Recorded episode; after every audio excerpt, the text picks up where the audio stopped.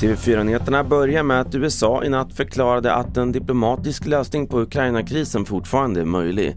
Den amerikanske utrikesministern Antony Blinken sa i ett framträdande att han haft nya samtal med sin ryske kollega Sergej Lavrov. I made clear, as President Biden did today in his conversation with President Putin, that a diplomatic path to resolving this crisis, a crisis created by the unprovoked massing of Russian forces all around Ukraine, that diplomatic path remains open.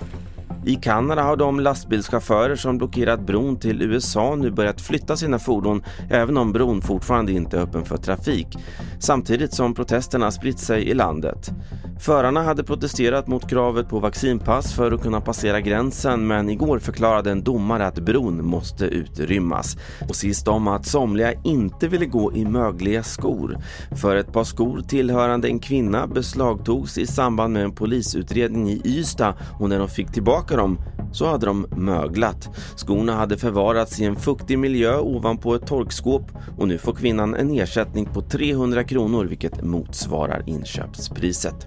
Fler nyheter i appen TV4 Nyheterna. Jag heter Carl-Oskar Alsen.